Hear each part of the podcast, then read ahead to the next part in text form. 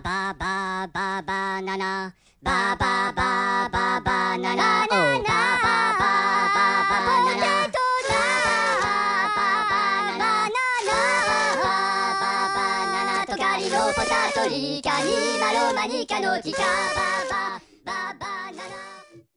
Halo teman-teman semua, it's me Nana and welcome to podcast Banana Bahagia bersama Nana, podcast yang memotivasi dan bikin happy. Sah, akhirnya kita balik lagi- ketemu lagi nih di episode kedua. Di episode kedua kita kedatangan guestar yang spesial banget nih. Mereka ini dari Putra Putri Brawijaya 2019. So, please welcome jeng jeng jeng jeng. Dava Anjunatama dan Safira Pratista Octaviana. Yeay. Halo, halo. Hai. Ya. Oke nih, Halo semua.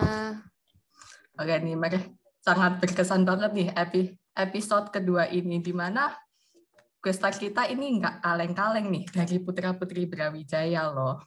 Nah, karena pepatah mengatakan tak kenal maka tak sayang nih. So, aku mempersilahkan Dava sama Safira buat memperkenalkan diri kalian dulu deh. Eh, halo teman-teman, perkenalkan nama aku Dava Anjunatama, bisa dipanggil Dava atau Anju.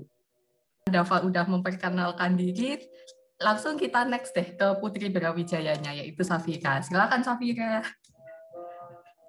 Halo semua, kenalin nama aku Safira. Aku dari Kedokteran Gigi Universitas Brawijaya. Sekarang lagi lagi apa ya? Maksudnya lagi angkatan 2018. Aku lagi skripsian sekarang. Wih, Halo keren nih. Calon dokter gigi yang lagi skripsi. Wah, semoga doa ini semoga Safira segera lulus dan jadi dokter gigi. Amin. Amin, amin, amin. Nah, to be honest nih, Dav, Saf. Aku ini adalah stalkernya Putra Putri Brawijaya nih, di mana aku ini sering pantengin IG-nya Putra Putri Brawijaya. Nah, nah salah satu kegiatan karantinanya Putra Putri Brawijaya yang menarik perhatianku nih, ada salah satu materi yang menurut aku bakalan berguna banget untuk masa depan kita, yaitu personal branding. Nah, menurut kalian nih, apa sih definisi personal branding dimulai dari Dava? Oke, eh, personal branding ya, Nek. Jadi emang personal Hmm. branding itu sebenarnya penting banget sih, teman-teman. Kalau misalnya bicara, kita, eh, ini kan udah dewasa juga ya. Jadi sebenarnya personal branding itu adalah hal yang benar-benar harus kita angkat dari sedini mungkin kayak gitu. Jadi kalau misalnya bicara, menurut aku ya, personal branding itu adalah kegiatan kita tuh bilang kepada publik gitu. Kita bilang kepada orang kita itu siapa kayak gitu. Dan tujuannya apa? Tujuannya untuk mengambil peluang sebenarnya. Kayak kita ambil contoh misalnya ah ah, aku nih orangnya pengen banget jadi seorang eksportir gitu misalnya. Pengen banget jadi seorang eksportir. Kalau misalnya aku nggak ngomong ke publik nih, kalau aku nih ah, ada ada minat di eksportir, punya bakat di eksportir dan lain sebagainya, akan susah menjemput peluang. Jadi aku sendiri yang bakal jadi peluang. Tapi kalau misalnya orang-orang tahu aku adalah seorang eksportir misalnya, jadi orang-orang yang punya komoditi-komoditi dan lain sebagainya itu bakalan nyamperin kayak gitu. Jadi sebenarnya kasarnya kalau misalnya kita bicara uh, kata-kata milenial sekarang ya, jadi personal branding itu kasarnya juga adalah tujuannya untuk biar kita nggak perlu ngejar uang, tapi nanti juga uang bakalan nyamperin kita sendiri karena orang-orang tahu kita ini siapa gitu kali ya. Wah, sip-sip nih. Statement dari Dava. Kita ini kalau personal branding ini adalah how the- how we say to the world ya about ourselves. Mengatakan ke- kepada publik tentang siapa sih diri kita dan dan di sini kita ini seperti seperti menunjukkan menunjukkan apa sih value kita ke mereka dan dan tujuannya ini supaya supaya kita ini menjemput peluang juga seperti yang dibilang sama Dava tadi. Kalau misalnya kita pengen jadi eksportir, nah seharusnya kita juga mempunyai apa sih value value-value sebagai eksportir dan di situ kita kembangin. Makanya kita nggak usah deh pakai capek-capek ngejelasin aku ini eksportir, tapi dengan dengan tindakan dengan value kita maka kita akan jadi eksportir maka semua orang juga akan tahu kita ini adalah eksportir. Nah, kalau dari Safika gimana nih?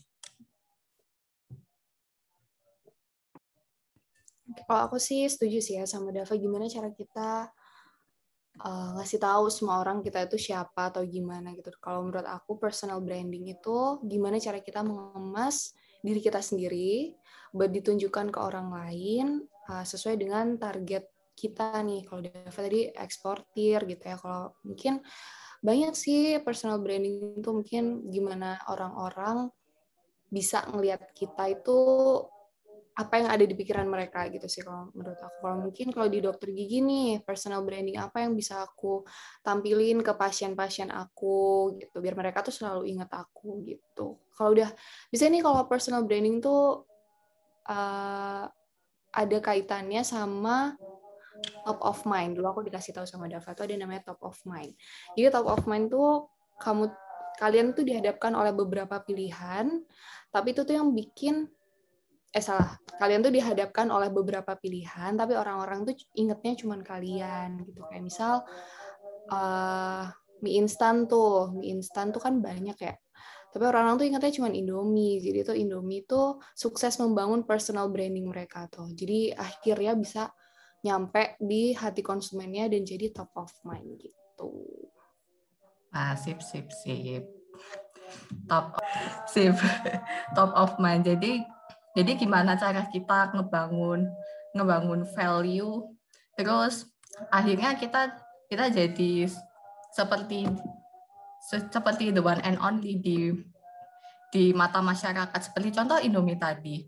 Indom kan sebenarnya banyak tuh merek-merek mie instan, tapi yang dikenal cuma Indomie aja. Berarti Indomie ini juga sukses untuk membangun value-nya apa sampai akhirnya ya Indomie ini dikenal sebagai merek mie instan yang yang paling yang paling terkenal, yang paling naik daun. Nah, pertanyaan selanjutnya nih. Kita ini kan mahasiswa nih, di mana di mana selangkah lagi kita ini masuk ke dunia yang sebenarnya, which is dunia kerja. Nah, menurut kalian apa sih pentingnya personal branding bagi mahasiswa? Dimulai dari Safira deh. Oke, kalau pentingnya personal branding tuh banyak banget ya. Seperti yang tadi kata Dava tuh bantu banget di bidang karir. Kenapa kalau kalian tuh udah punya personal branding yang bagus, perusahaan-perusahaan itu akan tahu nih, kalian itu cocok nggak sih buat perusahaan itu. Karena tiap perusahaan itu punya brandingnya masing-masing. Dan personal branding itu nanti yang hmm, menentukan kalian tuh cocok apa enggak sama bidang atau suatu pekerjaan yang kalian minatin kayak gitu. Terus uh, oh ya untuk jadi punya personal branding yang tepat itu kalian tuh harus tahu plus minusnya diri kalian sendiri kayak gitu dan uh, dengan tahu plus minus diri kalian sendiri kalian tuh bakal bisa mengemas personal branding apa yang kalian inginkan dan cocok nggak sih sama target kalian gitu? Dan itu tuh bikin diri kalian itu unik gitu. Karena kalian tahu plus minusnya diri kalian sendiri itu apa.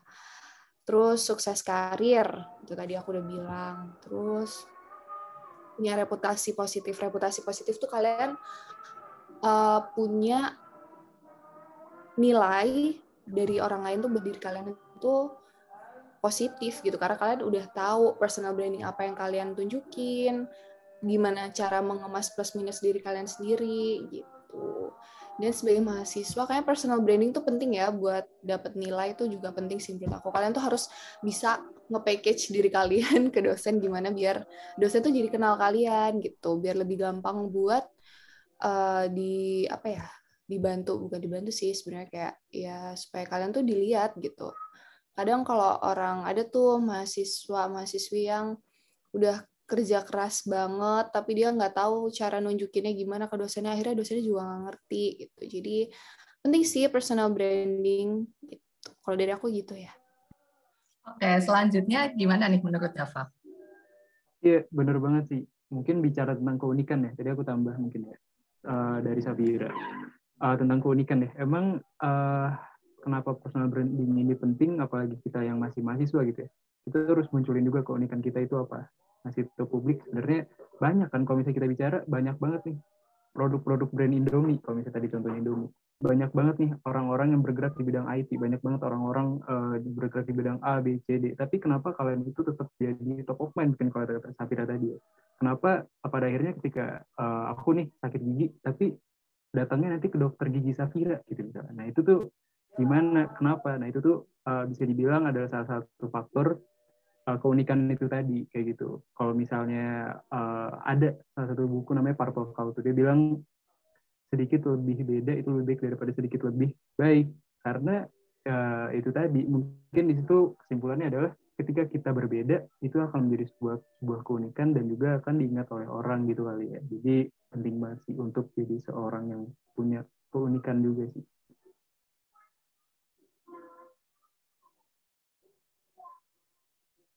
Nah, aku nge-highlight nih apa kata Dava Ketika kita berbeda, maka kita akan dikenal banyak orang. Nah, tadi kan ada contoh nih kayak dokter kan contoh dokter gigi nih. Kenapa? Kenapa banyak orang itu datang ke dokter gigi Safira? Karena Safira ini mempunyai value yang value yang unik. Nah, kalau yang nanggepin perkata pernyataannya Dava nih tentang keunikan. Ketika kita berbeda, maka kita akan dikenal banyak orang. Nah, aku mau kasih contoh nih dalam konteks persastraan nih. Ada salah satu tokoh nih di dunia sastra Inggris yaitu William Shakespeare. Di mana William Shakespeare ini salah satu karyanya yang paling dikenal adalah Romeo dan Juliet. Nah, kalau kalau dilihat-lihat nih karyanya Shakespeare itu banyak banget. Ada Macbeth, Hamlet, dan lain-lain nih, banyak banget. Tapi yang paling dikenal ini adalah Romeo dan Juliet. Romeo dan Juliet ini malah dianggap sebagai simbol cinta romantis nih bagi anak muda zaman sekarang. Nah, kebetulan Romeo dan Juliet itu jadi materi materi utama mata kuliah klasik drama nih. Nah, aku kan nah setelah aku baca-baca nih ceritanya, ternyata Romeo dan Juliet ini mempunyai value-nya tersendiri nih yang berbeda dari kisah cinta-kisah cinta yang lainnya. Di mana mereka ini lahir dari keluarga yang saling membenci tapi tapi uniknya mereka bisa jatuh cinta. Dan dan endingnya ini tragic ya. Mereka mengakhiri, mengakhiri hidup mereka dengan bunuh diri untuk membuktikan cinta mereka cinta mereka gitu.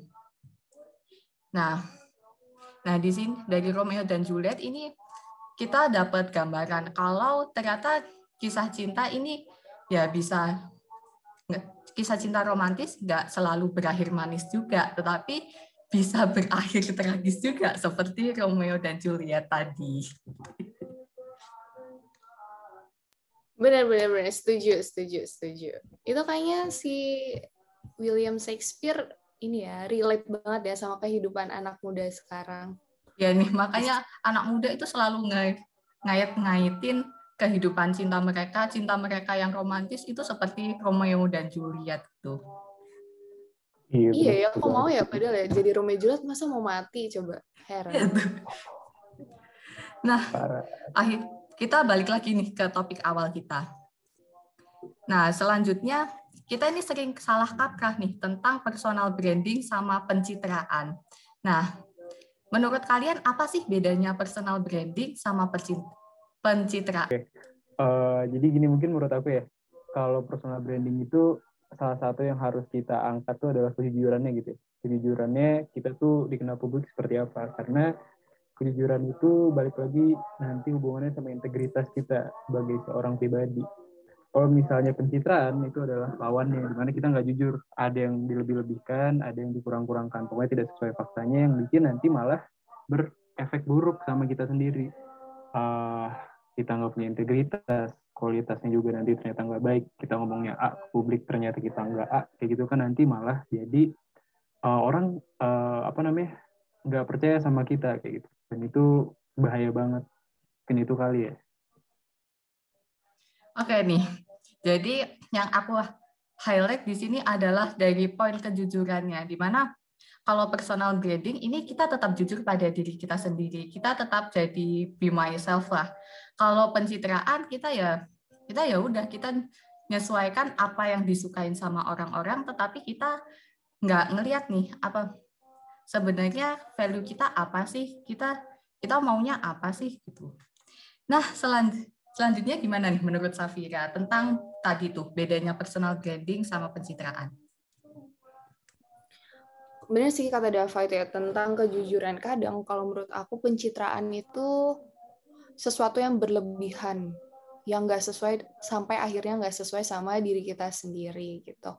Kadang dibuat berlebih-lebihan atau kadang dikurang-kurangin. Gitu. Padahal that's not the point about personal branding gitu. Personal branding itu me, apa ya mengangkat sesuatu yang baik dari kamu dan mensiasati sesuatu yang negatif dari kamu gitu. Kalau misal pencitraan itu sesuatu yang bahkan nggak ada di diri kamu gitu loh. Kalau menurut aku terlalu berusaha untuk menonjol tuh menurut aku pencitraan juga gitu.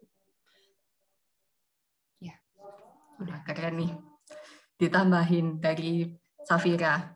Pencitraan itu adalah sesuatu yang berlebihan dan sesuatu yang nggak real. Jadi kita jadi kita ya tadi itu mengada-ngada, padahal sebenarnya sebenarnya kita nggak bisa di situ tuh. Pertanyaan selanjutnya adalah gimana cara ngebangun personal branding yang tetap be yourself? Dimulai dari Dava. Oke, okay, thank you, Nak. Gimana caranya ngebangun personal branding?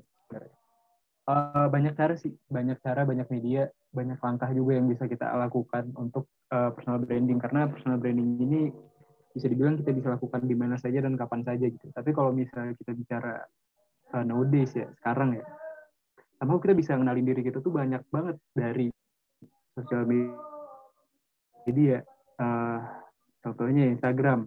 Kita ngasih tahu orang kegiatan kita apa, kita ngasih tahu orang uh, kita ini siapa, itu kan bisa lewat Instagram ataupun LinkedIn gitu ya. Sekarang kan orang-orang uh, show off their self itu lewat ingin juga kan, dan lain sebagainya. Terus sebenarnya selain sosial media bisa juga uh, lewat karya. Bisa juga lewat karya. Contohnya kalau misalnya kita bicara karya, uh, banyak sih contohnya, banyak contoh. Tapi kalau misalnya kita bicara contoh, aku ada kenalan mungkin teman-teman juga kenal ya. Mungkin namanya Arofi. Ya, oh, Arofi. Nah, oh kebetulan Arofi itu cutting aku nih di FIB seni, tapi beda nah, prodi. Iya. Dia angkatan 2016. Nah, Iya, dia tuh kan bagus banget ya personal brandingnya ya. Kalau misalnya kita lihat, uh, dia bisa ngasih karya juga. Dia bisa ngasih karya juga. Ada namanya authority capital. Authority capital itu bisa dibilang ketika uh, karya kita itu udah memberikan dampak dan juga ketika orang-orang butuh sesuatu, orang itu mikirnya langsung ke orang itu juga. Karena uh, dia udah punya personal branding yang kuat. Kalau misalnya kita mau dekor kamar misalnya, kita langsung otaknya mikirnya oh iya Arofi aja ya. atau mungkin ketika uh, ditanya siapa sih orang yang jago marketing? misalnya. Oh iya Arif Muhammad tuh unik-unik. Karena emang dia karya-karya tentang marketingnya jago banget banyak banget. Dan itu juga penting. Jadi selain sosial media kita show off diri kita uh, bisa juga lewat karya kayak gitu. Dan juga mungkin relasi relasi juga penting jadi kita punya banyak relasi dan mereka tahu kita ini siapa juga bisa jadi salah satu cara untuk personal branding ke orang itu kali ya. Oke, selanjutnya Safira gimana nih tanggapannya? Oke, tadi kan pertanyaannya tentang gimana gimana caranya personal branding gitu ya. Gimana cara membangun personal branding? Ya, betul. Oke. Bener sih kalau kata Dava tuh sekarang tuh personal branding tuh bisa banget dan bahkan mungkin 99% orang tuh melakukan personal branding tuh di sosial media gitu. Lewat apa? Di sosial media tuh juga banyak, gitu ada karya atau mungkin uh, apa yang kita share itu juga bisa menunjukkan personal branding apa yang mau kita bangun kayak gitu. Terus uh, kalau mungkin ya di bidang pelayanan jasa nih, kalau banyak banget bidang pelayanan jasa kayak tadi yang aku sebutin tuh dokter gigi tuh banyak banget. Tapi gimana cara kalian servis pasien gimana cara kalian memperlakukan pasien dan bahkan gak cuma pasiennya aja nih keluarga pasien tuh juga penting banget buat kalian bangun personal branding apa yang pengen kalian tunjukin sebagai dokter gigi gitu. Ini aku bicara tentang karir karir atau pendidikan aku ya yang aku sebagai dokter gigi gitu. Itu tuh bisa sangat berpengaruh gimana cara kalian treat your patient itu tuh sangat amat ngaruh ke kehidupan praktek kalian. Karena ketika kalian memberikan layanan yang bagus, kalian servis pasiennya dengan bagus, kalian um, ngobrol dan komunikasi dengan pasiennya itu bagus, itu tuh pasien akan merekomendasikan kalian ke orang lain. Dan akhirnya uh, di situ kalian bisa berkembang gitu karena sebelum ngomongin tentang gimana caranya di sosial media atau gimana cara uh, nunjukin karya gitu. Yang menurut aku nih, yang pertama banget yang harus kalian ketahui atau to-do list yang pertama itu know yourself gitu kayak find your passion gitu kayak ya apa nih yang bikin kalian merasa kalian itu unik? Apa kelebihan kekurangan kalian gitu? Terus apa sih tujuan kalian gitu? Terus uh, lingkungan seperti apa yang ada di sekitar kalian dan lingkungan seperti apa yang kalian itu pengen menjadi tempat berkembang gitu. Terus uh, kembangkan diri, hmm, punya prinsip itu penting sih punya prinsip dalam hidup. Karena kalau kalian nggak punya prinsip dan pengen branding yang segimanapun jatuhnya nanti jadinya pencitraan walaupun kalian gak niatnya kayak gitu. Terus juga benar manfaatin media media sosial. Kalau dan sekarang kalau misal kalian bukan orang yang pinter bersosial media tuh ada kok jasa-jasa yang uh, jasa-jasa branding. Bahkan sekarang tuh ada kayak jasa-jasa brandingnya perusahaan kayak gitu-gitu. Ya nggak sih, Dav? Iya, benar benar benar. Iya, banyak banget sekarang. Iya, benar. Itu tuh ngaruh banget ya sosial media nih buat buat brandingnya perusahaan tuh sosial media tuh sangat penting gitu dan buat diri kalian sendiri dan buat diri kalian sendiri juga itu sebenarnya sosial media juga ngaruh walaupun memang nggak semua branding itu bisa lewat sosial media gitu terus juga uh, ini kalau kalian bingung nih pengen jadi yang seperti apa nggak apa-apa banget cari role model yang seperti apa yang kalian inginkan gitu. Di situ kalian tuh bisa explore nih orangnya gimana apa yang sesuai sama aku apa yang nggak sesuai sama aku gitu. Terus juga kalian harus bisa dapat big circle. Big circle tuh memungkinkan kalian untuk mengamati banyak orang. Di ketika kalian mengamati banyak orang kalian baik ngobrol sama orang lain itu tuh akan menambah ilmu kalian sehingga kalian itu bisa mengembangkan diri kalian seperti yang sesuai dengan apa adanya diri gitu. Itu tuh bisa bangun personal branding. Dan jadi konsisten itu penting ya. Walaupun susah, aku juga masih belajar untuk konsisten gitu. Uh, dan keep humble. Keep humble itu akan memudahkan 30% kehidupan kalian ketika kalian tuh jadi orang yang humble, kalian bisa blend into your circle itu tuh bisa banget uh, menolong kehidupan kalian 30%. gitu sih kalau menurut aku. Oke, langsung aku sebutin lagi nih poin-poinnya. Nah, pengebangun ini bisa dilakukan di mana aja dan kapan aja. Nah, apalagi sekarang ditambah ditambah ada sosial media yang bisa ngewadahin kita. Dan kalau misalkan kita punya karya nih, ya jangan nggak usah babi bu bebo lagi, kita langsung aja share karya kita.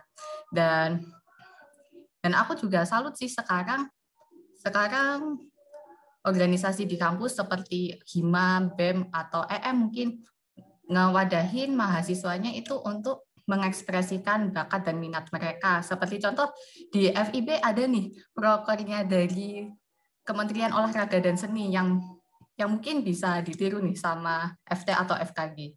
Ada apresiasi di mana apresiasi ini nge-repost bakat-bakat bakat-bakat yang yang ingin di show off sama mahasiswi mahasiswi mahasiswa FIB. Nah, nah to-do list apa sih yang harus kita lakukan? Pertama, find your passion. Karena kita kalau melakukan sesuatu dengan, dengan passion, pasti kita nggak akan kerasa beban tuh. Dan yang selanjutnya lingkungan, cari lingkungan yang ingin dijadikan tempat berkembang. Nah, aku setuju banget sih. Apalagi kita ini harus cari lingkungan yang sehat, bukan lingkungan yang toksik. Karena kita sebaik apa pun di kalau di lingkungan yang toksik tetap aja nih kita kita akhirnya jadi nggak kemungkinannya ada dua jadi nggak nyaman atau kita jadi ikut-ikutan toksik seperti mereka. Nah selanjutnya kita penting banget nih untuk punya prinsip karena karena dunia ini banyak nih ketidakpastian. Tapi dengan kita punya prinsip maka kita maka kita akan tetap survive nih dengan ketidakpastian yang ada. Dan selanjutnya nih cari cari role model atau mentor. Nah, aku mau kasih contoh nih. Kebetulan kebetulan aku ini ya bukan orang yang paling paling wah atau paling pinter atau paling jago. Tetapi aku punya role model yang yang bikin aku jadi makin berkembang. Seperti contoh, ya aku nggak mengenal beliau, aku nggak pernah berinteraksi sama beliau, seperti contoh motivator Mary Liana nih. Siapa sih yang nggak kenal Mary Liana? Mary Liana ini adalah motivator wanita nomor satu di Indonesia. Kan kalau kita dengar motivator, pasti kita dengarnya Mario. Kita kenalnya Mario Teguh, Mary Liana. Nah, Mary Liana ini jadi role modelku nih yang yang membuat aku jadi lebih berkembang dan akhirnya menemu, menemukan visi hidupku untuk selalu menyebarkan cinta melalui motivasi. Dan selanjutnya big circle. Big circle ini bisa jadi harta paling berharga kita ya. Seperti aku ingat nih di episode satu kemarin yang sama Aldi Hifdillah. Kalau kita punya big circle yang baik, yang banyak, yang cukup besar, cukup luas, maka itu akan ngebantu kita untuk untuk kita bisa meraih karir yang lebih cemerlang lagi. Dan yang selanjutnya keep consistent and keep humble. Wah, keren banget nih to-do list yang tadi disampaikan sama Safira. Wah, teman-teman harus banget terapin to-do list tadi. Kalau teman-teman pengen ngebangun personal branding yang kuat. Nah, akhirnya kita tiba di penghujung acara. Nah, sebelum sebelum kita menutup menutup podcast kita, aku pengen denger nih closing statement dari Dava dan Safira. Dimulai dari Safira. Apa nih pesan-pesan atau closing statement yang mau disampaikan untuk teman-teman podcast Banana sehubungan dengan personal branding? Oke, jadi kalau masalah personal branding nih ya, teman-teman, sebenarnya itu adalah pelajaran seumur hidup yang harus kita lakukan gitu kan. Karena kita akan selalu berada di lingkungan yang berbeda-beda. Tapi ketika kalian udah tahu diri kalian itu seperti apa, akan mudah untuk membangun personal branding seperti yang kalian inginkan. Dengan catatan, personal branding itu memang sesuai dengan apa ada yang kalian gitu, bukan dibuat-buat dan berlebihan atau bisa kita sebut pencitraan gitu. Ada tuh quotes gini. We are not perfect human beings, nor we do have to pretend to be, but it's necessary for us to be the best version of ourselves we can be. Jadi intinya kita emang manusia gitu, karena memang manusia juga nggak ada yang perfect.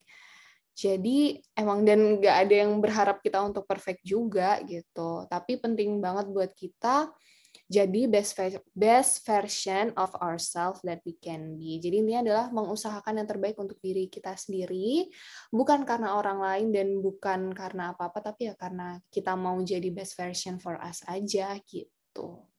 Semangat!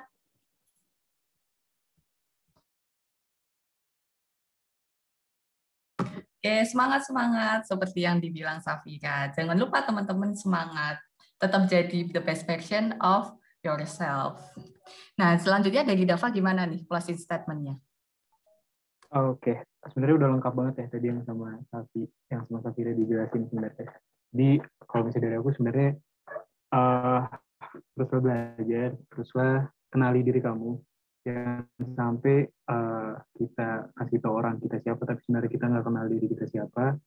Kalau misalnya kita udah kenal diri kita siapa, kenalin kepada orang kita itu siapa, dan ambillah peluang sebanyak-banyaknya, ambillah manfaat dari diri kita sendiri dan juga untuk layak banyak. Dan juga jangan lupa untuk selalu memberikan dampak sesama dan lingkungan gitu kali ya. Nah.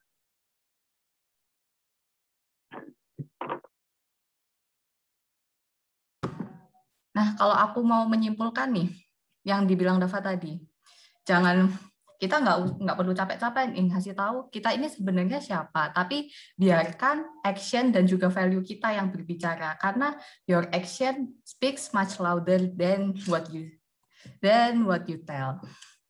Oke okay, nih wah inspiratif banget nih tema tentang personal branding kali ini. Di mana kita ini tetap harus jadi be yourself tetapi nggak lupa juga untuk tetap nge-upgrade diri dan tetap jadi the best version of ourselves. Oke deh, akhirnya selesai juga nih podcast pada pada episode kedua ini. Nah, karena aku mau kasih pesan nih ke teman-teman semua karena COVID ini masih belum berakhir. Nah, jangan lupa teman-teman untuk selalu pakai masker, mencuci tangan, dan menjaga jarak. Dan juga jangan lupa jaga kesehatan dan jaga perasaan di mana pun teman-teman berada. Jangan longgarin deh protokol kesehatannya karena karena nanti teman itu akan berpengaruh nih ke, keseh ke kesehatan dan juga mungkin ke masa depan teman-teman juga. Oke, kan. Oke deh, sekian dulu episode kedua podcast Banana. Semoga yang disampaikan sama Davas dan Safira tadi dapat bermanfaat untuk teman-teman semua dalam membangun personal branding teman-teman. Oke, ke, oke, aku Nana, Nana, Dava, dan Safira pamit undur diri dan Jangan lupa teman-teman untuk terus dengerin podcast Banana hanya di Spotify atau di platform mana pun teman-teman dengerin. See ya!